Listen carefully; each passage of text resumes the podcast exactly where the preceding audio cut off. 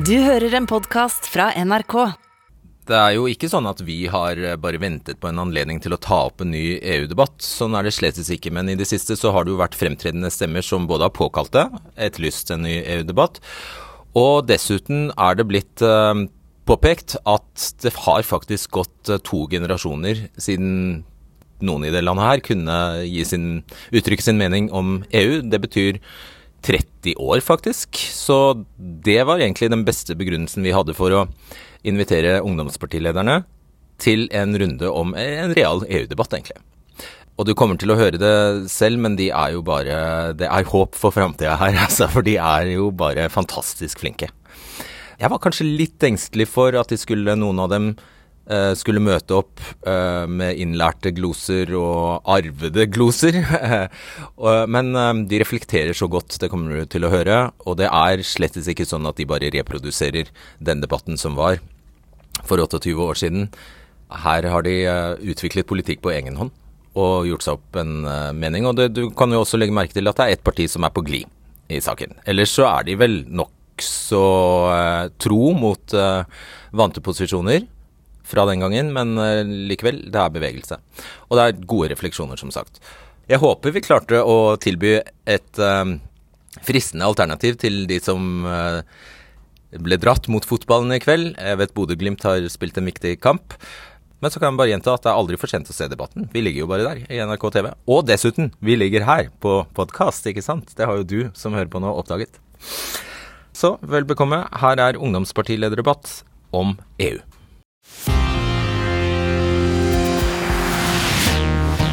Det er 28 år siden Norge sist sa nei til EU.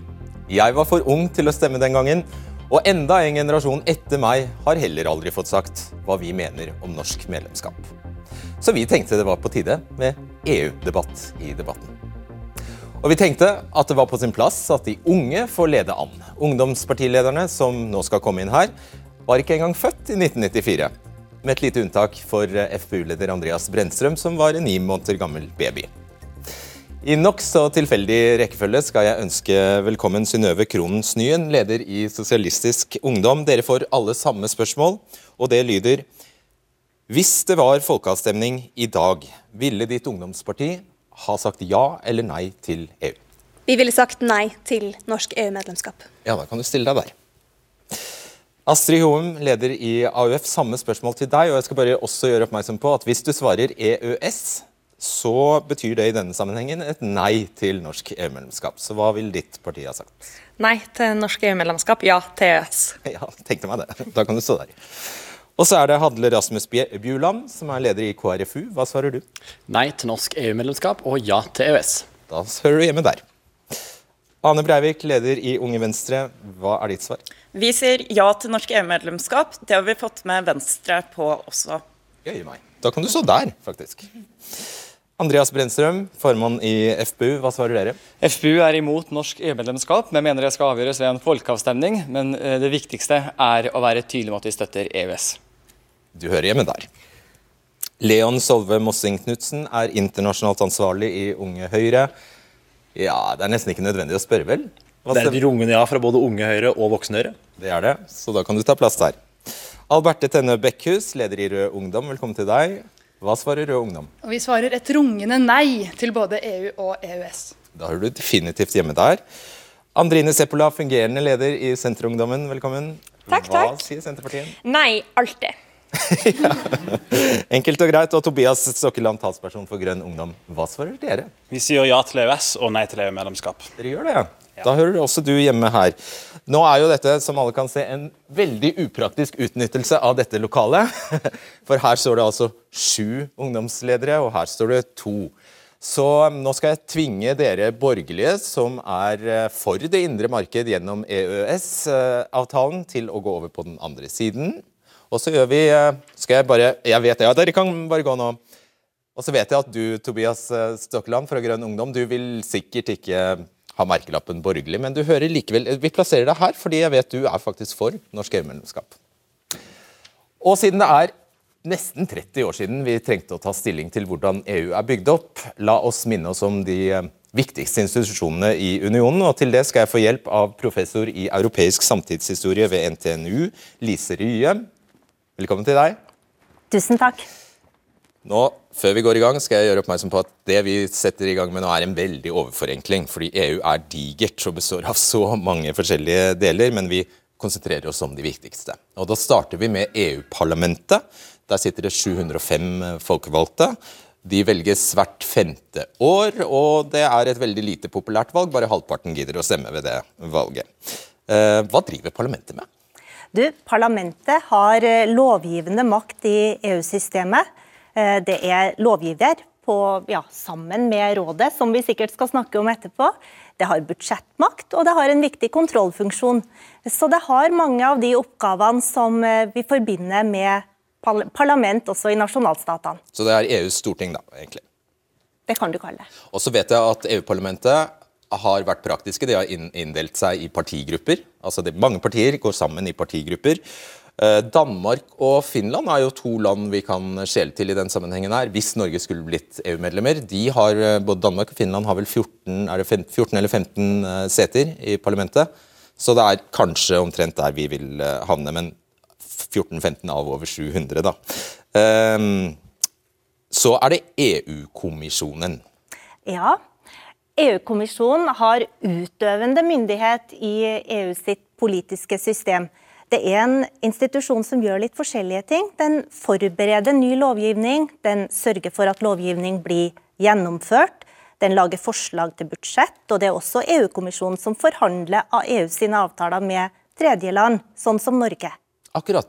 Så det, er det rimelig å sammenligne det med en norsk regjering? Du kan gjøre det. Da gjør vi det, tror jeg, for mm. enkelhets skyld. Men jeg tror du skal forklare hvem som sitter i EU-kommisjonen, fordi eh, det er litt spesielt. Ja, I EU-kommisjonen så sitter 27 kommissærer. Det sitter én kommissær fra hvert land. Og EU-kommisjonen skal representere fellesskapet eller EU sine interesser. Vi snakka jo om Europaparlamentet så vidt i sted. Europaparlamentet er innbyggerne sin representant. Europaparlamentet velges direkte av innbyggerne i medlemsstatene. Mens rådet, eller ministerrådet, det er regjeringene sin representant. Så makta er forsøkt fordelt på et fornuftig vis mellom ulike grupper. Sånn at ingen skal få uhøvelig mye makt? Ja, sånn at de kan kontrollere hverandre. Nettopp. Og når du sier at EU-kommisjonen eh, e er altså Kommissærene da, eh, fra de 27 landene er satt der til å eh, egentlig tjene unionen og ikke landet de kommer fra. Hvis den danske EU-kommissæren får press hjemmefra til å favorisere Danmark, eh, hva, hva skjer da? Hvis han eller hun faller for fristelsen? Det er alltid litt forskjell på teori og praksis. I teorien så representerer de unionens sine interesser, men i praksis så har vi kanskje sett at eh, land som har sterke interesser på ett felt, har hatt det ansvaret i EU-kommisjonen. Tyskland har f.eks. hatt eh, mye ansvar for industripolitikk. Frankrike har hatt mye ansvar for bistand. Så ville vi kunne fått fisk eller noe sånt nå, vi da, kanskje? Kanskje. kanskje. Og så har vi EU-domstolen til, til slutt. Hva gjør den? Ja, EU er jo et eget rettssystem. Det har sine egne lover og regler. og I det systemet så er det EU-domstolen som har den uh, ja, dømmende makta. Er, er det rimelig å si at det, det kan sammenlignes med den norske høyesteretten? Vi kan kanskje det. EU-domstolen skal se til at EU-lovgivninga blir gjennomført korrekt, og at den blir tolka rett. Og hvis det er konflikt om hvordan EU-lovgivning skal tolkes, så er det EU-domstolen EU-domstolen som dømmer i den type rettssaker. Akkurat. Og så skal vi egentlig spole tilbake til EU-kommisjonen, for den ledes av denne kvinnen, som er en imponerende skik skikkelse, for så vidt. Syvbarnsmor Ursula von der Leyen. Tysk eh, var, eh, er hun, og satt i Angela Merkels regjering i 14 år. Hvem er hun valgt, da? Uh, ja, EU-kommisjonen sin president uh, er jo utnevnt av Europaparlamentet. Ja. Nettopp, så hun har valgt av parlamentet, altså. Du, vet du hva, da skal, da skal, vi minne litt om 1994, så kan du få deg en liten, uh, liten pause, Rye. Uh, og nå må dere som er født ja, som er født før slutten av 70-tallet, tror jeg vi kan si, følge nøye med. For nå skal vi mimre litt her. Den aller viktigste grunnen til at 52,2 av nordmenn sa nei i 1994 var nasjonal selvråderett. Det handlet om at Norge ikke måtte avgi suverenitet til EU, at vi måtte ha folkestyre. Og det handlet også mye om at vi ville ha nasjonal kontroll over naturressursene våre. Nei-siden var opptatt av at EU led av et demokratisk underskudd, at det var et enormt byråkrati. Og den gangen besto EU som vi husker, utelukkende av vesteuropeiske land, så det ble av nei-siden sett på som en slags rikmannsklubb. Og det kledde Norge dårlig å være med der. Miljø var i vinden, og det var faktisk et nei-argument den gangen, at Norge kunne føre en sterkere klima- og miljøpolitikk alene. De fire friheter sto sentralt, og det vil jo si da fri flyt av varer, tjenester, kapital og folk. Og det var ikke noe flertallet i Norge ville ha. For det innebar at vi antagelig ville miste den norske krona vår og egen sentralbank. Og det ble påstått at EU var et markedsliberalistisk prosjekt, en slags fordekt høyrepolitikk satt i system. Vi ville kunne komme til å måtte gi spanjoler og portugisere våre fiskekvoter. Vi ville ikke kunne opprettholde tollvernet og det norske landbruket som det var, og nei-siden fryktet også at norsk arbeidskraft ville bli utkonkurrert av billigere arbeidskraft fra andre land. I 1994 kjøpte heller ikke nei-siden fortellingen om EU som et freds- og sikkerhetsprosjekt. Snarere tvert imot, egentlig, så man på EU som en oppbygging av en ny militærblokk. Det var mye snakk om Vestunionen. Og nei-sidens argument om Festung Europa og for en selvstendig linje med internasjonal solidaritet med fattige land, ja, det vant gehør hos flertallet i Norge i 1994. Da skal du få komme tilbake, Rye, for da lurer vi på hvor eh, annerledes vil en norsk EU-debatt i dag fortone seg enn dette her? Eh, jeg håper den vil bli annerledes, og jeg tror den vil bli annerledes òg. For EU i dag er jo veldig forskjellig fra EU slik det så ut i 1994. Det har jo veldig mange flere medlemmer, og det har også veldig mye mer politikk enn hva det hadde i 1994. Og så tror jeg du skal få forklare oss. Hva er forskjellen på EU og EØS? EU er et samarbeid. Det er et samarbeid mellom 27 europeiske land som kommer sammen for å forsøke å finne felleseuropeiske løsninger på problem som de ikke klarer å løse alene. EU har i dag et veldig bredt samarbeid. Ehm, de har et økonomisk samarbeid, et handelspolitisk samarbeid, et justis- og innenrikspolitisk samarbeid, et utenriks- og sikkerhetspolitisk samarbeid osv. osv. EØS, eller EØS-avtalen, er en avtale som gjør tre EFTA-land, Norge, Island og Liechtenstein, til en del av EUs indre marked. Og EUs indre marked det er EU sitt hjemmemarked. Det skal fungere som et nasjonalt marked eh, ved at eh, varer, tjenester, personer og kapital skal kunne bevege seg fritt. Det er det som kalles de fire frihetene. Er det fortsatt sånn at det er fiskeri og landbruk som er de viktigste tingene vi ikke trenger å eh, bry oss med, eller som EU ikke kan, kan bestemme over oss? Eh, ja, altså Fiskeri- og landbrukspolitikk er to viktige politikkområder som Norge ikke er omfattet av, men det er veldig mange flere enn som så. EU er jo en økonomisk og monetær union som vi ikke er en del av. EU er en tollunion som vi heller ikke er en del av. Tollunionen har sin egen handelspolitikk, som vi heller ikke er en del av. EU har sin egen bistandspolitikk, eh, utenriks- og sikkerhetspolitikk og justis- og innenrikspolitikk. Og alt det der står Norge utafor. Vi har flere avtaler enn EØS-avtalen som kobler oss til deler av dette samarbeidet. Men eh, det er veldig mye som skjer i EU som vi ikke omfattes av. Takk for oppklaringen. Bare hyggelig. Tusen takk. Ok, Ane Breivik, leder i Unge Venstre. Skal vi tro en fersk meningsmåling fra vårt land, så er det kun én av fire nordmenn som ønsker at Norge skal eh, melde seg inn i EU. Hvorfor er det sånn? Det er jo et godt spørsmål. Det er jo lenge siden sist vi hadde en bred debatt om EU i befolkningen. Eh, jeg var ikke født i 1994, og det gjelder jo nesten samtlige her. Ser vi hen til våre naboland, så er flertallet i befolkningen i både Sverige og i Danmark svært positive til EU-medlemskapet som de har. Og de fleste nordmenn er også svært positive til EØS-avtalen. Og så er det jo et paradoks, fordi her i Norge så er det jo gjerne venstresiden som man ser her som er mest EU-skeptisk politiske. Ellers i våre naboland så er det jo nettopp venstresiden som er tilhengere av EU og EU-medlemskap. Hva syns du om nei-argumentene fra den gangen? som jeg gikk gjennom? Eh, det er jo mye av dette som for så vidt ikke gjelder lenger. EU har vist å være en handlekraftig allianse som makter å kutte i klimagassutslipp. Og så ble det jo pekt på nasjonal selvråderett f.eks. og suverenitetsoverføring. Det er jo klart at EU innebærer suverenitetsoverføring, men dette er makt vi flytter oppover, slik at vi kan håndtere de store grenseoverskridende utfordringene våre i fellesskap, fordi fellesskap fungerer, og fordi vi er sterkere sammen. Synnøve Kronen Snyen, leder i SU. Er det noen av de argumentene fra 1994 du mener ikke gjelder lenger? Jeg tenker egentlig at De store linjene de ligger der fortsatt. Vi er mot norsk EU-medlemskap fordi jeg er opptatt av at demokratiet skal ligge nært folk. Jeg er opptatt av at makta skal ligge nærme folk, og ikke overføres til en politikerelite i Brussel. Og så står det seg at det er viktig for norsk matproduksjon å ikke være en del av EU, og det samme med fiskeripolitikken.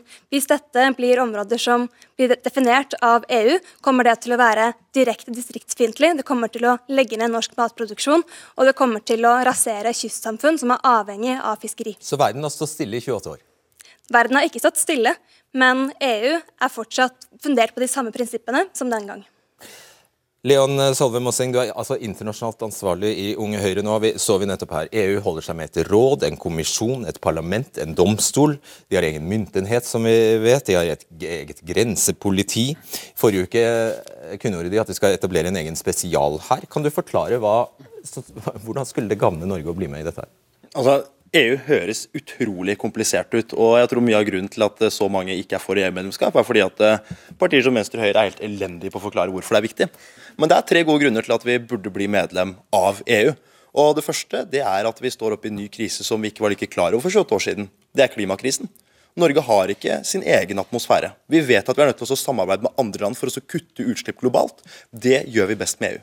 Vi er helt avhengig av det europeiske markedet for å kunne selge varene våre. Det handler om norske arbeidsplasser i hele Norge, fra indre Telemark til Oslo by. Og så vet vi det, at det er en del verdier som vi i det siste har sett vi ikke kan ta for gitt. De jobber EU med. Vi sørger for at vi kan sanksjonere land som Russland og Kina når det trengs sammen. Derfor må vi nå begynne å stille spørsmålet hvordan kan vi jobbe mer med EU, ikke hvorfor. Mm. Jeg trodde vi var med på de sanksjonene. Ja, men det måtte litt tid før vi kunne implementere de. Vi kunne bare gjort det schwung mye raskere hvis vi hadde vært medlem av EU. Jeg, vet du hva, jeg sanerte et av de mange navnene dine. Du heter Knutsen også. Mange navn. Beklager det. ok. Um, ja, skal vi se er, Dere er så mange, og jeg har så mange kort. Andrine Seppola, du er fungerende leder i Senterungdommen. 12 000 EU-direktiver har vi svelgt på høykant siden, uh, siden, vi sa nei til EU. Vi er altså med i det helligste, nemlig det indre markedet. Uh, hva, er egentlig, uh, hva, er, hva, er egentlig, igjen av nei-argumenter, da? kontrollen over naturressursene våre, kontrollen over landbruket, kontrollen over fiskeriet. Det kommer vi aldri til å gi opp på Senterpartiets vakt. Derfor er jeg òg glad for at det står i Hurdalsplattformen at nei til EU ligger fast. Jeg tror ikke at Senterpartiet hadde kunnet deltatt i en regjering som sa ja til noe sånn som EU. For EU det handler til syvende og sist om vår selvråderett, og det handler om at vi skal bestemme hvordan landet vårt skal se ut. Vi skal sørge for at det er lys i alle vinduer i landet vårt. Da kan ikke vi gi EU kontroll over naturressursene våre. Vil EU slukke lysene i norske hus? Eh, jeg tror nok at vi er nødt til å se konsekvensene av at eh, det ikke finnes norske fiskemottak, og av at det blir stordrift i landbruket som sørger for at det er vanskelig å drive. Vi har 3% dyrkbar matjord i Norge. Med EU sin stordrift så legges det opp til at det kun stort sett er der du kan drive med landbruk. Det ser vi i nabolandene våre òg. Så ja, EU, eh, norsk EU-medlemskap kommer til å slokke mange lys, og det kommer til å være rett og slett døden for Distrikts-Norge. Mm. Uh, ja, ok, Mens jeg står her, så Astrid Hoem, du er leder av uh, AUF. Vi kan ta pandemien som et uh, veldig ferskt eksempel. det både, altså med Hele Stortinget sa mer eller mindre at det var en fantastisk god idé at Norge rett og slett koblet seg på EU for at vi i det hele tatt skulle få tak i vaksiner. Er ikke det egentlig det beste eksempelet du trenger? Ja, Det viser jo også at det går an å stå utenfor EU, men fortsatt koble seg på EU når det også er riktig. Og når du... Via Sverige på nåde, da. Ja, men også viser det jo at det kan gå an å stå utenfor EU, men samtidig koble seg på. Også på det spørsmålet du stiller i sted, om argumentene fra 1994 står seg. Et av argumentene har jo styrka seg. Og det er jo det at vi vet at I motsetning til Sverige og Danmark, som kunne stå utenfor euroen, så kan vi mest sannsynlig ikke det hvis vi blir eh, søker om norsk EU-medlemskap. Og Det bekymrer jo meg veldig. Fordi ja, hvorfor ikke? Kan vi ikke det? Fordi at man også har styrka det i EU og sagt at nye medlemmer i større grad skal være medlem av, også av eurosonen. Og Det bekymrer meg veldig, fordi Norge er en ganske ulik økonomi til ganske mange andre. Vi er en råvareprodusent. Vi eh, merker oljeprisfallene ganske mye sterkere enn andre land. I 2014 så var vi helt avhengig av at vi også hadde vår egen rentesetting, med at sentralbanken vår er med på å se på norsk økonomi og styrke seg under det. Og så er det ett argument til, og det er at i EØS-avtalen så har vi vetorett. Og jeg er ikke villig til å forhandle inn og bytte den vetoretten med et par stemmer i Europaparlamentet. Jeg mener at vi skal mer aktivt bruke den vetoretten også når vi ser at det kommer direktiver som svekker norsk arbeidsliv, som bidrar til eh, mer privatisering og andre ting, og der må Norge også være enda tøffere. Ålreit. Tobias Stokkeland, du er altså du Grønn Ungdom, du er altså plassert her. fordi kan Du bare si, du kan si det høyt selv. Du, du er for EU?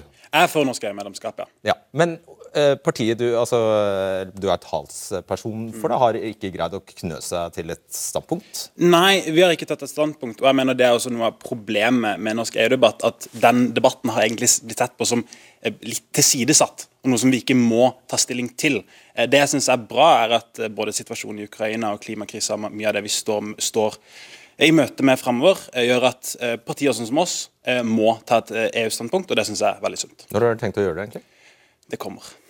Ja, hva, hva, vil det si? Nei, altså Jeg kan ikke gi den en eksakt dato, men både i Grønn Ungdom og Miljøpartiet De Grønne snakkes det om at vi burde ha en EU-prosess. Og Hvis du skal overtale partiet ditt, hva vil du si? Jeg ville nok sagt at, uh, For det første vil jeg si at vi allerede er relativt EU-positive og mener at EU er en god kraft. Ta det viktigste men, argumentet, du. Ja, Det viktigste argumentet er at de største utfordringene vi står overfor, de krever internasjonalt samarbeid fordi de er internasjonale. Den viktigste der er jo klimakrisa eh, der EU klarer det Norge aldri har klart, som er både å sette seg ambisiøse klimamål og Eh, nå de. Men også hvis vi skal løse de andre utfordringene, sånn som personvern, eh, skatteflukt og framtidige flyktningkriser, så er det veldig vanskelig å gjøre det uten bindende, eh, binde internasjonalt samarbeid. Og der er EU i dag den beste arenaen. Ok, Vi må bare rekke gjennom alle, alle før dere får replikk. Albert Tenne Bekkhus, du er leder i Rød Ungdom. Dere i Rødt og Rød Ungdom er jo for en aktiv europapolitikk. Dere er men dere er faktisk imot alle mulige samarbeidsplattformer. Dere er mot EU, dere er mot EØS, dere er mot Nato, selvfølgelig. Hva er dere egentlig for? Ja, Vi er for FN og for internasjonalt samarbeid. og som eh, Jeg tror nok de fleste her i panelet har en god forståelse av at vi har ganske mange utfordringer som vi er nødt til å løse internasjonalt. Det har vært klima, det har vært nevnt flyktninger, eh, og sikkert mer til. Men problemet er at EU er jo ikke løsninga på dette. og jeg synes eh, Snøve var godt inne på det i stad. fordi altså, Grunnprinsippene i EU de er de samme nå som de var i 94, som de var eh, før der òg. Og vi ønsker en politikk som får ned forskjellene, som styrker lokaldemokrati osv. Hva er de prinsippene som er så uspiselige for Rødt? Du har de fire frihetene, f.eks. med fri flyt av varer, tjenester, kapital og folk. eller noe sånt. Som vi allerede er med i gjennom EØS? Jo da, og vi er jo mot EØS òg, da. Det, det er jo greia. Også at EU er et prosjekt basert på evig vekst. Hovedsakelig til for å ivareta næringslivets interesser, hovedsakelig til for å sikre økonomiske interesser, ikke for å sikre gode liv til folk. Og Da mener vi det er bedre å stå utafor og sikre eh, landbruk, sikre et godt arbeidsliv, sikre sjølråderetten. Eh, derfor sier vi nei til det. Mm. Uh, Andreas Brensum, du er leder i Fremskrittspartiets Ungdom. Plager det deg litt at vi påvirkes så ja, nesten altoverskyggende av EUs beslutninger og overhodet ikke har noe vi skulle ha sagt? Ja, jeg syns at vi blir påvirka for mye av EU, at vi har gitt fra oss for mye suverenitet. Og så blir det nevnt her at ja, EU har forandra seg mye siden 1994. Men jeg vil argumentere for at de har forandra seg til det verre. Det er jo ikke måte på hvilke direktiver eh, og inngripende tiltak og politikk som kommer fra EU, som vi rett og slett bare må innføre. Og Vi sitter jo ikke engang ved bordet i Brussel og forhandler eh, eh, med de andre landene der beslutningene fattes. Så jeg vil jo si at eh, Det aller viktigste her, det er jo å støtte opp om EØS-avtalen. Og så mener jeg egentlig at EU-debatten Hvordan kan det være den logiske slutningen når du sier at det er et problem at vi ikke sitter ved bordet? Er ikke det, er, er ikke det mest eh, nærliggende da å faktisk komme seg til bordet? Eh, jeg frykter eh, For det første, det er ikke noe tvil om at det er argumenter både for og imot. Og man kan si at eh, et argument for er å bli med i EU, at man faktisk får demokratisk representasjon i EU-parlamentet, og dermed så blir suverenitetsavståelsen litt mer legitim. Men det jeg frykter, er en veldig opprivende og destruktiv debatt. Vi bør ta lærdom av så å si samtlige tidligere EU-debatter, både i Norge, i Storbritannia, i Sverige. Der eh, Vi kommer altså ikke noe særlig lenger av at den ene siden prøver å overgå hverandre i å ikke bare være mest mulig mot EU, men også EØS, mens den andre siden prøver å overgå hverandre i å være mest mulig for EU. Så du vil egentlig bare at vi ikke skal diskutere det? Jeg mener at vi bør stå støtt bak eh, EØS-avtalen. Ja, Du vil ikke ha noe EU-debatt, i hvert fall? Eh, altså Vi kan godt debattere EU, eh, men jeg, kan, jeg, ser ikke helt eh, poenget med det. All den tid vi har veldig mange store utfordringer i Norge eh, å håndtere. Jeg mener egentlig vi bør fokusere på å eh, ta de først. Fordi vi vet at det er kun en fjerdedel av Norges befolkning som er for EU-medlemskap, så jeg tror egentlig ikke vi kommer noe særlig vei med å diskutere EU. Ok. Hadle Rasmus Bjuland, du er leder i KrFU. Altså, vi kan ta det eksempelet med klimapolitikk som er veldig uh, aktuelt. Her, er altså, her har Norge hektet seg på EU. Vi har funnet ut at ja, EU er mer progressive, de er mer eh, fremadskuende enn en oss selv. Uh, vi er uh, del av utslippsmålene til EU, vi er del av kvotemarkedet deres. Hvorfor skal vi ikke da være med å utforme de samme målene? på et demokratisk vis? Nei, For meg så er jeg veldig glad for det klimasamarbeidet som vi har med EU, og det får vi til gjennom EØS-avtalen. Men det er kanskje det viktigste Fredrik, for at vi ikke er for et EU-medlemskap nå. Det er for at vi vil ikke at at det skal sitte folk i Brussel som skal bestemme både over bøndene og bestemme over fiskeripolitikken til Norge. Går vi inn og blir medlem av EU, så innebærer det fullt medlemskap, og da vil vi òg miste eh, rettighetene over norske særinteresser.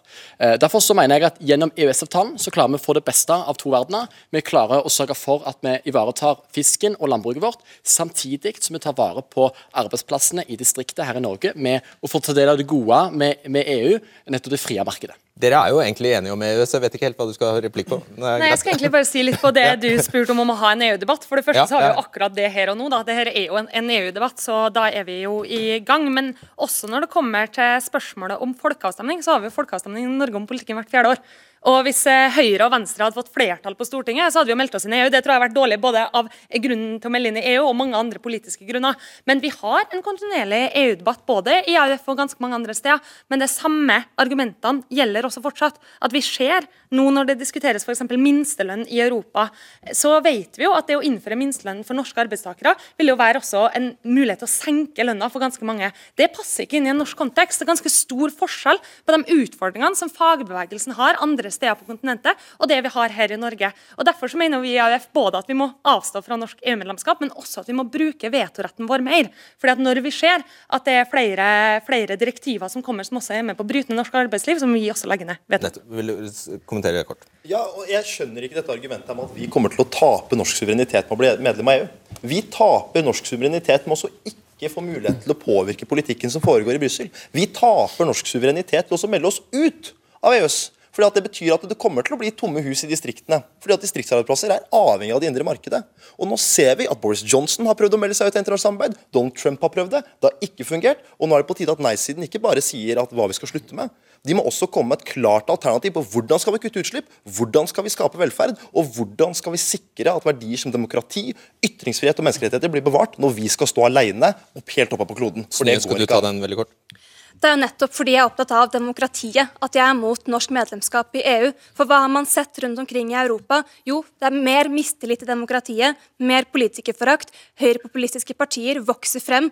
Høyrepopulistiske partier gjorde et brakvalg ved forrige EU-valg, nettopp fordi flere opplever at politikken er langt fra dem. De får ikke muligheten til å påvirke politikken i sitt eget liv og sitt eget lokalsamfunn. Og jeg frykter at norsk EU-medlemskap også vil føre til mer høyrepopulisme i Norge og i Europa, og det er jeg bekymra for. Før vi går videre her, skal jeg bare minne om at hele denne buketten av strålende norsk ungdom kommer til å ligge i NRK TV fra vi Faktisk, den ligger der allerede. Lå der fra vi gikk på lufta, så du kan når som helst gå inn og se dem der. Eh, Breivik, vil du svare på det? Nå har det jo blitt nevnt flere konkrete forslag som er oppe til diskusjon i EU. Og det er helt greit at AUF er uenige om forslaget om å innføre minstelønn i Europa. Men det er jo nettopp en god grunn til at Norge burde være til stede på de arenaene der politikken vedtas, der man finner kompromisser. Ingen under 45 år har fått stemme over EU-medlemskap. Europautredningen fra 2012 viste at Norge innfører 75% av rettsaktene som vedtas vedtas i EU. Det er et demokratisk problem, og den beste løsningen på dette er gjennom fullverdig norsk EU-medlemskap. Se på Lacarte, og så skal vi snakke om de fire frihetene. Ja, Hvis Norge hadde vært med i EU, eh, så hadde vi hatt ca. like mye makt i EU som Pasientfokus har på Stortinget i Norge. Eh, så hvordan vi skal løse utfordringene som vi står overfor Jo, vi skal løse dem i lag, men jeg mener ikke at overnasjonalitet er automatikk der. Vi kan samarbeide, men det trenger ikke, vi trenger ikke å gi opp vår selvråderett av den grunn. Ja. Ojala fra Pasientfokus er ikke, er ikke her. Jeg tipper hun ikke helt går med på beskrivelsen, men det, det får så være. Ok, vi, vi, er jo inne på temaet de fire friheter. Du sa i sted at du er opptatt av at vi har en selvstendig sentralbank, og at den kan sette, sette renta, og at vi har vår egen eh, valuta. Det som har skjedd, eh, HM, er jo et mirakel, nærmest. Altså, Man har løftet fattige sør- og østeuropeiske økonomier opp innført en felles valuta som har stabilisert økonomien, der Tyskland har betalt ned gresk gjeld. Det er solidaritetsprosjektet.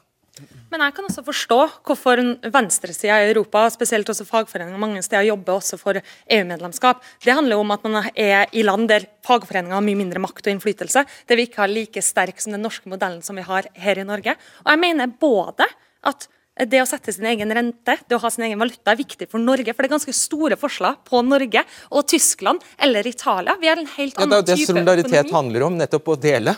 Ja, men Det handler jo også om at vi skal kunne sette rente ut ifra hva, som er, hva som er eh, ståa i Norge. Og så handler det også om at en del av de direktivene som kommer, som veldig mange steder i Europa, det skal gi eh, Ane Breivik Venstre rett til, gir mer arbeidsrettigheter til arbeidstakere, vil kutte arbeidstakerne sine rettigheter her i Norge. Det gjelder minstelønn. Det gjelder vikarbyrådirektivet, som vi har sett eksemplene på, der man har likestilt bemanningsbransjen og faste hele ansettelser. Det er ting som er med på å bidra til at det norske arbeidslivet og arbeidssikkerheten og den norske modellen blir trua.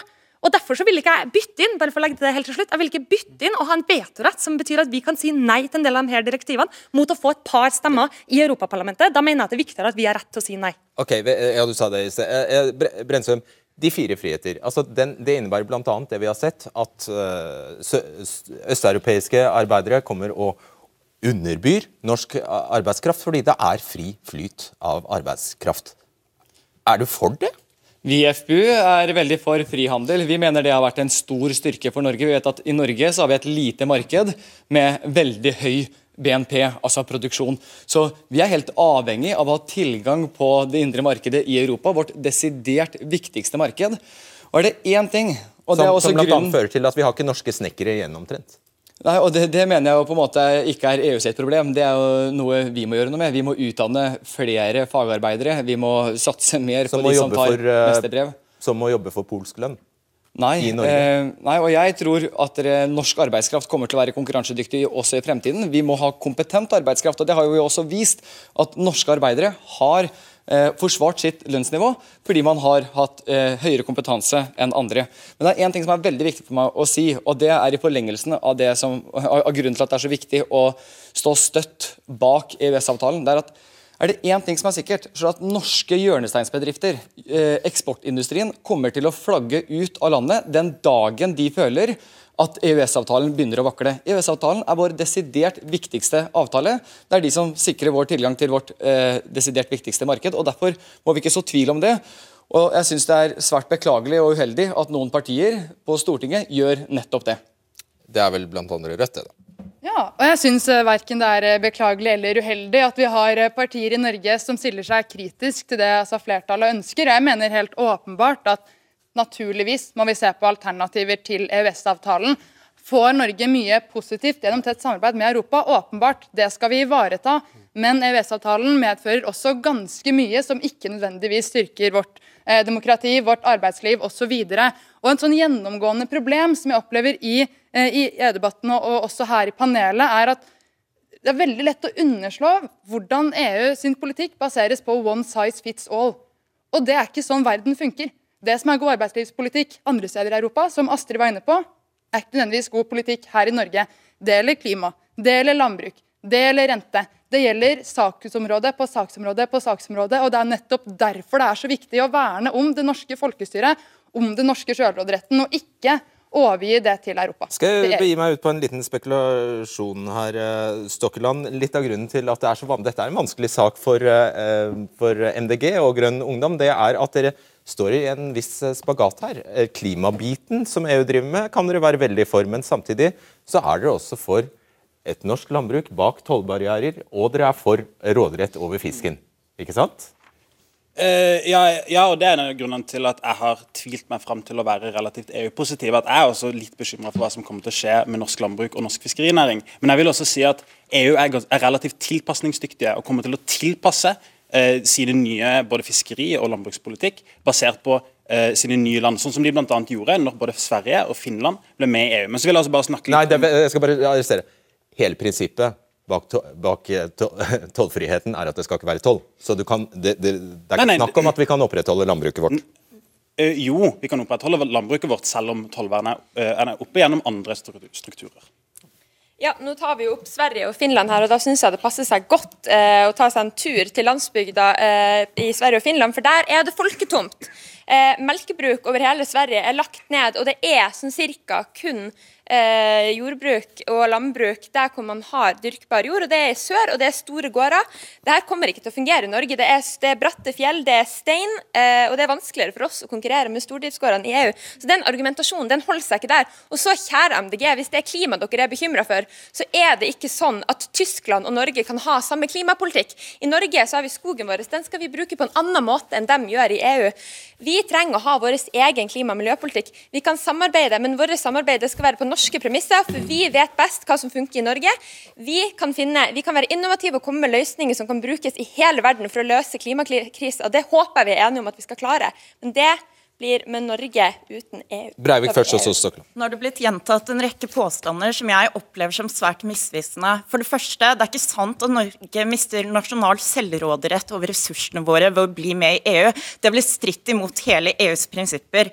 For det andre, det er ikke som vi må gi bort fisken vår. Vi skal fortsette å selge den til EU. Hvert eneste år så tjener fiskerinæringen i Norge milliarder av kroner nettopp ved å eksportere fisk til EU. Og både med tanke på fisk og med tanke på landbruket, så kan vi jo tenke hva ville skjedd hvis vi åpnet opp for et marked bestående av over 500 millioner europeere? Hvilke muligheter kan det gi norske bønder, norske fiskerier? Det er også en mulighet i dette.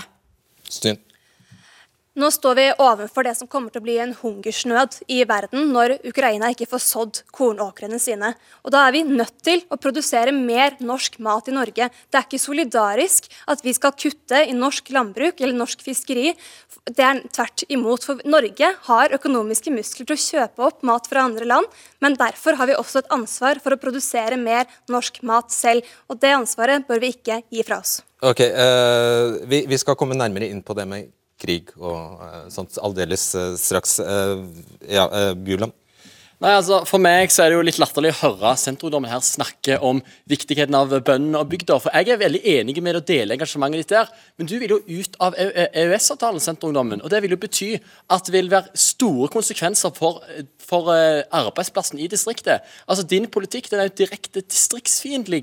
Fordi det kommer til å få store konsekvenser for arbeidsplassene der ute. Det er nettopp det som er det gode med EØS-avtalen, at vi får være del av det frie markedet og får lov til å ta del av de vilkårene. Jeg kan ikke forstå hvorfor du vil ut av EØS-avtalen, som er så viktig avtale, som vi nyter godt av i dag. Eh, Du får ikke nevne EØS flere ganger, og du får ikke svare på EØS. Du kan få svare hvorfor det er eh, en dårlig idé å være med i EU, fordi vi konsentrerer oss om EU. Ja eller nei til EU nå.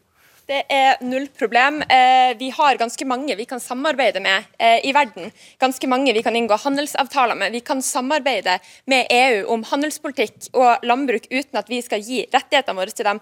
Vi kan samarbeide uten at de skal få lov å kontrollere energipolitikken i Norge. Dette er ikke motsetninger KrFU. Og med all mulig respekt, landbruket i Norge står overfor et avgjørende eh, jordbruksoppgjør. Det siste de trenger, er at vi skal starte en EU-debatt som kommer til å virkelig være kroken på døra for dem. HM, det ble jo, som jeg refererte til i sted, fra venstresiden i 1994 vist til at EU var i grunnleggende et eh, markedsliberalistisk prosjekt. Det ble sagt at det var et fordekt uh, høyrepolitikk. Nå er altså eh, Du har selv nevnt at venstrepartier i Europa er gjerne eh, for E- EU. Labour i Storbritannia er for, mens, eh, mens Toryene er, er mot. Og Gjennomgående så har det jo skjedd så mye med EU. Alle disse østeuropeiske landene som altså har kommet inn og fått løftet sine økonomier.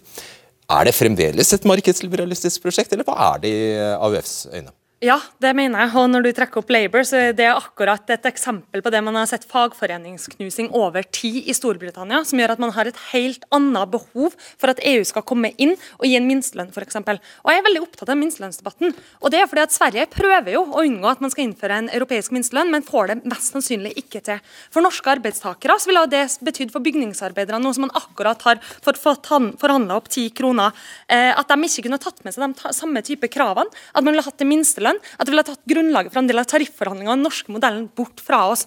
Når vi innfører Skiensmodellen, Oslo-modellen, Norgesmodellen, som regjeringa skal innføre etter hvert, så begynner ESA å blande seg inn, for de mener at det ikke er proporsjonalt med alle underleverandørene å gå så hardt til verks uten å kjenne til de norske forholdene, uten å kjenne til hva som er det vanskelige på det norske arbeidsmarkedet. Og Det bekymrer meg. Og Der har vi en utfordring, for der er vi såpass heldige i Norge at vi har sterke fagforeninger, vi har en sterk norsk modell, og derfor vil jeg heller ha vetorett enn å være på innsida. Jeg skjønner. Jeg vil bare ta deg litt tilbake til dette med, som vi står i akkurat nå, strøm, eh, energikrise og, og vanvittige strømpriser. Dette skyldes jo en helt forfeilet tysk politikk. Det er nesten alle gjennom. Det skyldes en helt forfeilet tysk politikk gjennom Gerhard Schröder og Angela Merkel, Merkel gjennom år, eh, der de har festet sin lit til tysk, nei, russisk eh, gass, som viste seg å være en veldig dårlig idé. De har gitt oss skyhøye strømpriser og gasspriser. Det skyldes også en overilt avvikling av atomkraft. Det skyldes en altfor optimistisk tro på at man ville få opp vind og, vind og sol. Og så står man her i en kraftkrise. Og på toppen av dette kommer faktisk ACER, som altså handler om å sørge for prisutjevning mellom prisområdene i, i, det europeiske nettet for gass og strøm. Hvorfor i alle dager skal Norge vikle seg enda mer inn i dette systemet, som altså har gitt oss en krisesituasjon? Det er jo ikke EU som er skyld i dette, her, det er jo en grønn omstilling som har gått for sakte. Det er jo en feilslått politikk man legger ned atomkraftverk, som Høyre også er for forresten nå, eh, og starte opp eh, i Europa. og det er ikke sånn at vi bare kan få og ikke gi noen ting av EU. Det er et sånt utrolig rart konsept som kommer fra venstresiden. Det er ingen som snakker om hvor negativt det var med kraftkabler når vi nesten hadde gratis strøm i 2019. Og hva er det som er vår reservestrøm i Norge når vassdragene er tomme? Jo, det er at vi har strømkabler fra andre land. Og vi tar bare denne debatten når det er dyr strøm i Norge, og det skjønner jeg at det er problematisk. Og da må vi sikre et grønt skifte i Europa. Vi må sikre at de pumper opp mer norsk gass, og vi må sikre for lavere strømpriser. Men de har meldt seg ut av det viktigste strømsamarbeidet vi har, som sikrer norsk industri og utslippskutt i Europa, det er ikke den rette veien å gå. Altså, det er jo ikke sånn at Klimakrisa løses automatisk bare Norge blir med i EU. Det som er flaut, er jo at norske regjeringer gjennomgående har hatt for lave ambisjoner på vegne av klimapolitikken i Norge. Og vi trenger å kutte store deler av norske utslipp. Og Norge, som et av verdens rikeste land, som har tjent seg rike på olje og gass, har et ansvar for å gå foran for å kutte våre egne utslipp. Men jeg vil bare tvinge deg tilbake til det, det jeg tok, eh, tok opp uh, her med Knutsen. Altså dette systemet, kraftutvekslingssystemet, som for så vidt ikke nødvendigvis har noe med EU å gjøre, men ACER har noe med EU å gjøre. Dere vil jo ut av det, hvis jeg har skjønt det rett, eller hva er egentlig SV, SV og SUs plan? Ja, det vil vi, fordi vi trenger ren kraft for å bygge norsk industri. Norsk industri er helt fantastisk på å produsere verdens reneste aluminium og silisium. Vi har store muligheter for å bygge opp nye grønne arbeidsplasser og bli best på de nye teknologiske løsningene som vi kan eksportere til Europa. Men vi kommer til å miste det konkurransefortrinnet hvis vi får dyr strøm til industrien, for de er helt avhengig av fornybar, billig kraft. Mm, og Bekkhus, Toppen av eh, egoisme vil jo være hvis Norge stenger igjen tilgangen på norsk eh, vannkraft i en, i en sånn situasjon som vi står i. Det må du være enig i, er du ikke det? Jeg er helt enig i at det hadde vært toppen av egoisme dersom Norge f.eks. nektet å eksportere overskuddskraft.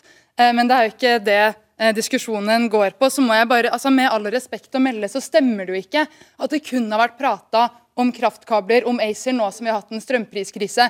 Det er ganske mange partier i dette panelet her som har vært kritiske til den energipolitikken, eller fravær av energipolitikk, holdt jeg på å si, som har blitt ført i Norge i lang tid. Fordi det er et problem at vi har kobla oss opp på et system der vi importerer enormt høye strømpriser på bekostning av folk, på bekostning av industri, på bekostning av nå ble jeg kommet på tredje eksempel på stående fot. Det gjorde jeg ikke.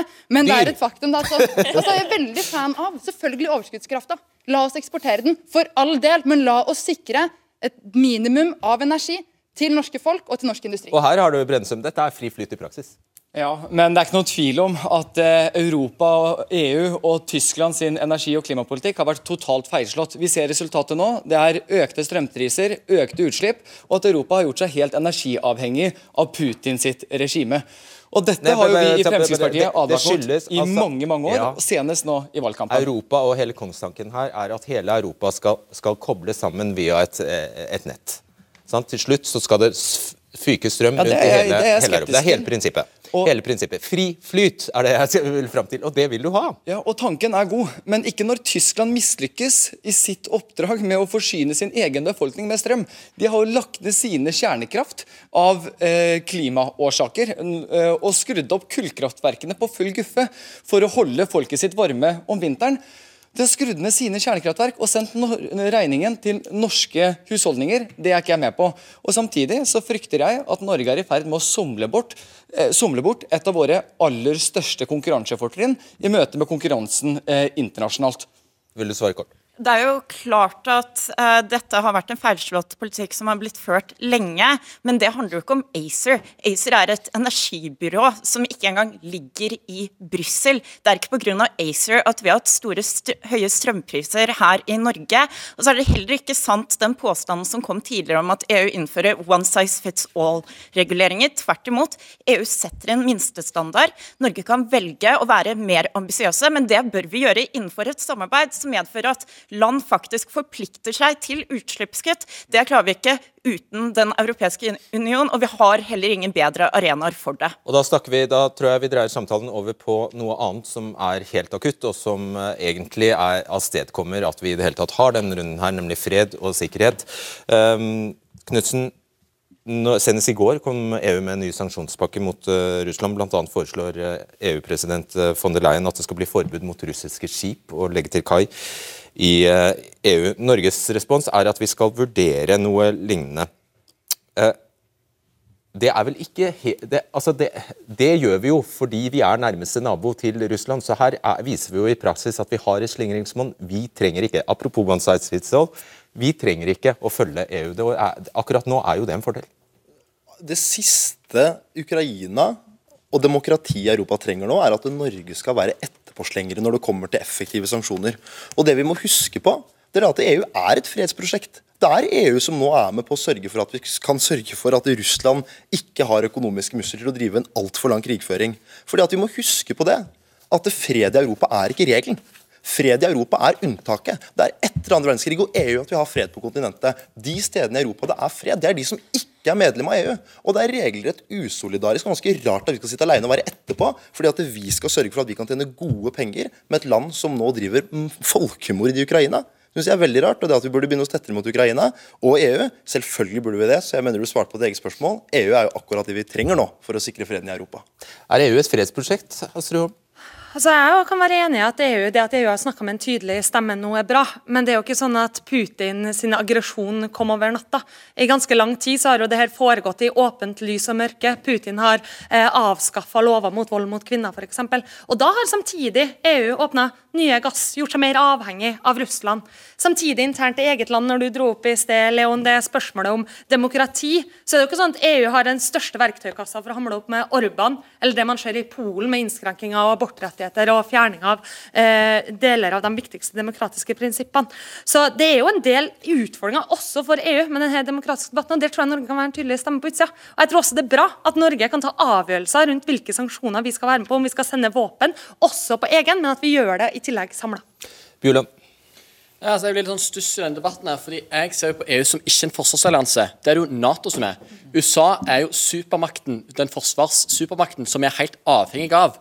Og Derfor så mener ikke jeg at eh, et argument for å gå inn i EU er av at vi skal eh, styrke Forsvaret. Da mener jeg heller vi skal styrke Nato, eh, og styrke hvordan vi kan sørge for at vi kan styrke Nato som er med, sammen med USA. Og Da synes jeg det er langt mer problematisk at vi har partier som Rødt og SV som melder Norge ut av Nato. Det mener jeg er langt mer dramatisk for den sikkerhetspolitiske situasjonen. Er EU et fredsprosjekt, vil du mene? Ja, jeg mener at det er absolutt mange initiativ med både med handel med andre land som er viktig for å kunne sørge for fred, men ene Så alene, ene og alene så er ikke EU et forsvarsprosjekt. Nei, Det jeg, er det var ikke det jeg spurte om. Nei. Ja, nei, men er det et fredsprosjekt? Ja, jeg tror det er viktig for, for at land skal kunne samarbeide med handel. Så det er- sørger for fred i Europa? Men det gjør vi òg gjennom EU. Nei, sørger EU, Ja, sørger men EU det gjør vi fred òg gjennom EØS, Fredrik. Sørger EU for fred i Europa? Ja. Det, sørger for, det er for Hvorfor skal Norge ikke være med på det fredsprosjektet? Jo, men vi er jo en del av EØS. Vi er med på fri handel mellom land. Og det er jo det som er essensen med fred i, E- gjennom EU. Ok. Syns du, uh, syns du uh, Seppola, at EU fortjente fredsprisen? Tja.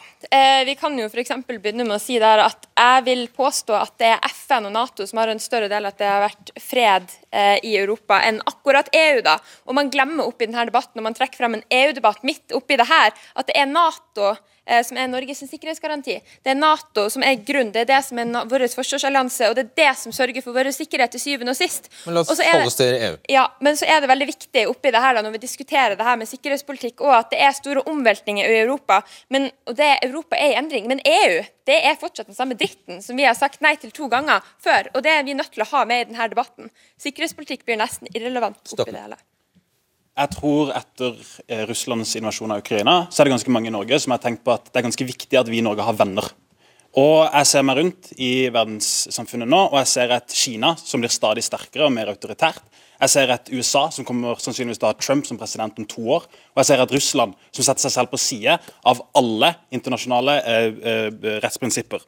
Og EU står da igjen som det eneste maktsenteret i verden som står for demokrati, menneskerettigheter og ytringsfrihet. Og jeg mener faktisk en god del av dere på venstresida må gå litt i dere selv når dere møter opp i tenketanker og har seminarer og skriver kronikker om at dere er bekymra for Trump og brexit og en stadig mer isolert verden. Eh, når dere nekter å se på, på, på EU-spørsmålet og ikke vil støtte opp om EØS, selv om ting har endra seg siden 90-tallet. Det viktigste vi har igjen i verden som står opp for den liberale, demokratiske verdensorden, er EU, og det må vi støtte opp under. Nå, eh, nå, nå melder nyhetsbyråene at EU skal gi 500 millioner euro i våpenbistand til eh, Ukraina. Vil du være, synes det var en god eller dårlig idé? Det har jeg ikke hørt om før du Nei, sier det. ikke jeg heller. Kom akkurat nå. Ja, nei, jeg syns det er bra at Prinsippet kan du jo ta stilling til. Ja, jeg syns det er mange gode grunner til å sende våpen til Ukraina. Jeg syns det er viktig f.eks. at man skal slette eh, statsgjelden til Ukraina. og Det er mye vi kan gjøre i møte med den krigen som foregår der. Men jeg har lyst til å svare på det som kommer fra Grønn Ungdom her. og En av de grunnene til at jeg er mot norsk EU-medlemskap, er nettopp fordi jeg ønsker å vise mer solidaritet med det globale sør. For verden den er større enn Europa alene. Og den politikken som føres i EU, den går på bekostning av interessene til fattige land i det globale sør. Et helt konkret eksempel på det er vaksine, altså patentunntak på vaksiner under pandemien, der EU var den sterkeste bremseklossen på å få til det som er den mest effektive bekjempelsen av pandemien. Her kunne Norge spilt en annen rolle inn i verden, nettopp gjennom å fremme interessene til det globale sør, og ikke utelukkende fremme interessene til de store selskapene som har tjent milliarder på vaksineutvikling. Breivik. Som eksempelet du dro frem illustrerer, så er det jo nettopp EU som har vist seg som den mest handlekraftige aktøren i møte med denne krisen. Norge har tvert imot kommet etter. Eh, Jonas Gahr Støre satt i hotellbaren mens EUs ledere ble enige om sanksjoner mot Russland. EU det er både et fredsprosjekt, det er et frihetsprosjekt, og i tillegg så har det veldig gode sikkerhetspolitiske argumenter for seg. Og nå som vi snakker om denne konflikten som Europa står i, så må vi ikke glemme at vårt kontinent har blitt sønderknust av to verdenskriger. Som Leon sa, fred er unntaket heller enn regelen. Og med EU så har tidligere slagmarker det har blitt til møteplasser. Det har blitt til forhandlingsbord. Og Putins uprovoserte angrepskrig mot Ukraina, det er ikke bare en krig mot Ukraina, det er en krig mot våre verdier. Det er en krig mot vårt styresett, vårt demokrati, mot vår fred og sikkerhet. Og nettopp i møte med slike hissige stormakter så må Norge alliere seg med våre naboland, med de vi deler verdier med. Det er demokratiene i EU. HM kjapt. Altså Det er Nato som gir norske sikkerhetsgarantier. og Jeg er også litt bekymra for at det prosjektet til Macron og dem som er å snakke om å bygge opp en militærallianse i Europa, også er med på å skyve USA enda lenger unna oss. Vi trenger at USA er med å stille opp med sikkerhetsgarantier, sjøl om man kan være kritisk til mye av det Nato gjør. Det er Nato som gir dem sikkerhetsgarantier til Norge og til Europa, og det kommer ikke vi til å kunne gjøre hvis vi også ikke har uh, USA med på laget der. Og så vil jeg bare spørre egentlig Grønn Ungdom, hva er det EU har gjort, og hvilke eksempler har man i møte med Orban? I møte med et mer udemokratisk Polen som skrenker inn på kvinners rettigheter og homofiles rettigheter. Man har jo ikke den verktøykassa heller engang til man allierte sier fra tydelig. Så skal vi fortsette å stå sammen med Europa mot Russland, mot Kina. Men man har også et problem internt i EU. Det man at det blir mer og mer udemokratisk. Det, ja, du får svare. Det eneste som har fått Viktor Orban til å ikke være på Putins side, er at han er med i EU og vil være på godsida til EU. Og så vil jeg, vil jeg bare si jeg er helt enig i at det er ganske mange ting ganske mange land i Europa som jeg ikke er en fan av. Men jeg vil også si at det er ganske mange ting i ganske, i ganske mange land i verden som jeg ikke er en del av. Det er en god del land i Europa som har blitt mindre demokratiske i det siste. Men det har også vært men det har også USA blitt. Det har også Brasil blitt. Det har også Botswana blitt. Og jeg vil, jeg vil bare si dette. Det, den prosessen med å bli mindre demokratisk har gått seinere i Europa. Fordi Europa vil ha demokratier, og derfor vil de fleste land alltid være mer demokratiske. Det er vel en udokumentert påstand, er det ikke? Hva da, At, at, at EU vil ha det? demokrati? At, gått, at eh, ja, Viktor Orban har oppstått vitterlig midt i EU. Eh, jo, jo, men prosessen av å dedemokratisere eh, Ungarn har gått mye tregere der enn det f.eks. har gjort i Brasil. Ja, ok, Bredsum, eh, eh, jeg vil bare Dere i FpU og Frp er, er jo opptatt av vestlige europeiske verdier. Er det ikke da veldig, bare veldig merkelig at ikke Frp og FpU går inn for å være med på dette, dette prosjektet? Altså, FPU er opptatt av frihetsverdiene, og det kan man ofte kalle eh, vestlige verdier. Og så er jeg enig i at EU er et fredsprosjekt, men det er jo ikke EU-flagget som skaper fred, skaper fred. Det er frihandelen, det er det gjensidige avhengighetsforholdet. Og det er jo ikke sånn at vi er frakobla Europa, vi er medlem i EØS.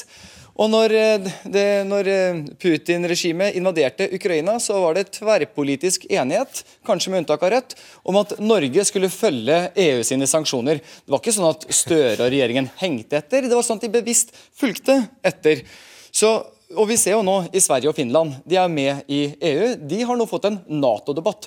For Det er sånn det blir sagt av flere her, det er Nato med USA i spissen som er vår garantist for trygghet og sikkerhet i Europa. Og så vil jeg bare nevne én siste ting til slutt. Det er sikkert veldig lurt å tenke at det er smart å gå inn i EU pga. Eh, Ukraina-invasjonen.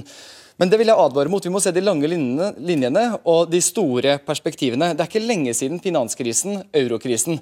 Og eh, Vi i Norge kan fort ende opp med å betale skattegjelden til søreuropeiske land. Det er ikke lenge siden flyktningkrisen og Europas yttergrenser, eh, eller EUs yttergrenser eh, brast. Heldigvis så satt Frp i regjering og klarte å ta tilbake eh, kontrollen over våre e egne EU, så kommer det ikke så veldig mange flyktninger fra de landene lenger, fordi de EU har inngått en avtale med Tyrkia om å stanse dem der. Ja. Det er realiteten. Men vi måtte også ta kontroll over egne grenser. Eh, Bekkhus, vil du svare på den beskyldningen? Ja, det vil jeg gjerne. og jeg var da Putin valgte å invadere Ukraina, så var det tverrpolitisk fordømmelse i Norge. Alle partier, fra Rødt til Frp, har jobba på for målretta sanksjoner som straffer Putin, straffer hans oligarkvenner, og også for solidaritetsarbeid. Så jeg må bare si det, jeg syns det er en uredelig anklagelse å komme med når vi står i en så ekstrem situasjon som det vi gjør. Over til debatten som vi diskuterer. EU, fred. Jeg har også tro på at handel samarbeid, kommunikasjon, møteplasser. Ja, det bidrar til fred. Det er det ikke noe tvil om. Men jeg tror ikke at det trenger å gå gjennom EU. Så ser vi nå at EU ja, kanskje det har en fredsopprettholdende eh, holdt på å si, effekt. Men det i seg selv er ikke et argument for at Norge skal gå inn. Det er heller et argument for at vi generelt må øke samarbeidet ikke sant, med land. Og det er helt avgjørende. Det kan man mene helt uavhengig av hva man mener om EU eller ikke. Så har det kommet mange gode poeng her, om det er poengene fra Astrid om autoritære styrer i EU, eller om det er fra Synnøve om solidaritetsarbeidet. Og Det synes jeg også er et viktig poeng, for jeg synes det blir mye ensidig her i debatten. Vi må kunne berømme EU for det som EU får til. Og det er mye som EU får til, om det er ambisiøse klimamål eller god håndtering av flyktninger nå. Men på den andre sida så har du også festning i Europa. Du har altså kurdiske flyktninger som blir sendt til Tyrkia. Du har Frontex. Det er ganske mye negativt også ved EU. Det er mye særdeles usolidariske eh, altså politikker som blir utforma i EU. Og det syns jeg også må være en del av debatten. Knudsen. Ja, og selvfølgelig, Det er ganske mye som er ganske dritt med EU. Men kan vi ikke da sitte ved forhandlingsbordet? Kan vi ikke da stemme i Europaparlamentet? Bruke stemmen vår? Og ja, Nato er kjempeviktig for fred, men det har noe å si at ulike land, ulike kulturer, kan dra sammen i samme retning framover. Det at vi skal skape verdier Selvfølgelig er vi en råvareprodusent. Men vi skal også foredle disse råvarene våre i Norge og selge de videre. Da trenger vi det indre markedet. Dere har ingen svar på hvem vi skal være med. Vi skal ikke være med i Nato, spør man ytre venstre. Vi skal ikke være med i EØS, hvis man spør ytre venstre og Senterpartiet. Vi er nødt til å gå sammen med EU. Det er mye som ikke er bra, men da skal vi heller bruke stemmen vår i Europaparlamentet for å sikre fred, verdiskapning og klimakutt. Vil du supplere det? Ja, Det er jo ikke bare frihandel som er grunnen til at vi har opplevd fred og stabilitet innenfor EU helt siden dens unnfangelse. Dette er summen av prosesser som de fire frihetene muliggjør. Det at studenter kan reise til eh, andre land for å studere, at pensjonister kan velge å bosette seg på solkysten f.eks. Og jo, det er et argument at det at EU har vært et historisk vellykket fredsprosjekt, også taler for at Norge burde være med. Fordi det er i vår interesse å forsterke dette samarbeidet og jobbe for å utvide dette samarbeidet også.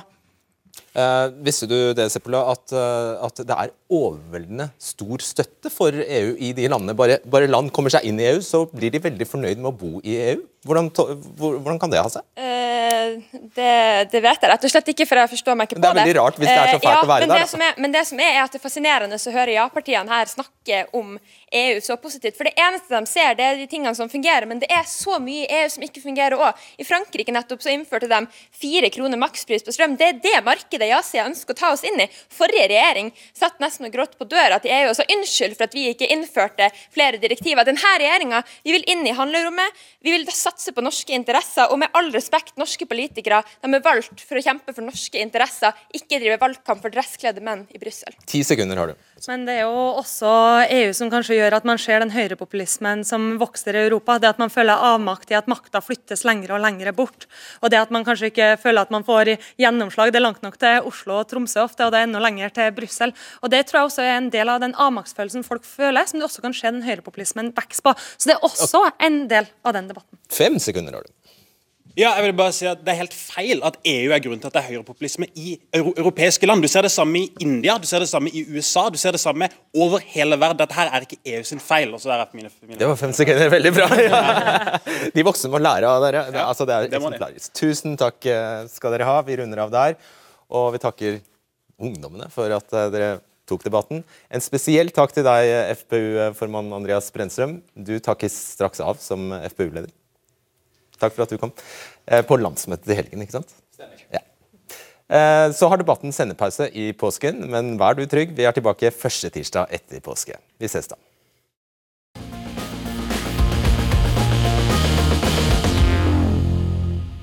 Disse dagene vi har hatt til å researche, har også vært uh, som en uh, mimresti for uh, meg. Jeg husker veldig godt 1994, jeg, og da var jeg 17 år. Og det var forsmedelig å ikke kunne stemme den gangen, husker jeg. Jeg skal ikke si hva jeg hadde stemt, men alle minnene om argumentene og ikke minst figurene som fantes den gangen i norsk politikk, kom tilbake. Så det har vært, hva skal jeg si, koselig på en måte. ja. Så håper jeg virkelig at vi brakte en ny kunnskap til torgs om hvor de politiske partiene står i dag. Og jeg tror også det var en nyttig runde vi hadde med professor Lise Rye der. Fordi jeg vet at det er I og med at den norske EU-debatten rett og slett ikke er tilstedeværende, og ikke har vært det på så mange år, og interessen strengt tatt for EU har vært utrolig laber i Norge disse 30 åra, så er det bare veldig Det skorter på kunnskap om EU, tror jeg.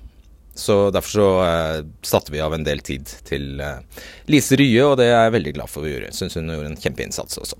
Hvis dere har lagt merke til det, så har vi altså gjort kvantesprang på sosiale medier i det siste. Ja, det har vi. Jeg har lagt ut story på story. og vi raffer det til for hver gang. Eh, og det er takket være Sofia Storhaug, som er den nye medarbeideren i redaksjonen som har spesielt ansvar for eh, på sosiale medier. Så dette Jeg gleder meg til fortsettelsen. Vi skal, målet, det kan jeg være helt åpen og ærlig om, det er jo at vi skal eh, greie å fange interessen til flere unge, fortrinnsvis, mennesker. Og at eh, for å oppfylle egentlig mandatet vårt, som er å engasjere flest mulig i flest mulig aldre. Da ønsker jeg god påske, dere. Ok, takk for nå. Ha det. Du har hørt en podkast fra NRK. De nyeste episodene hører du først i appen NRK Radio.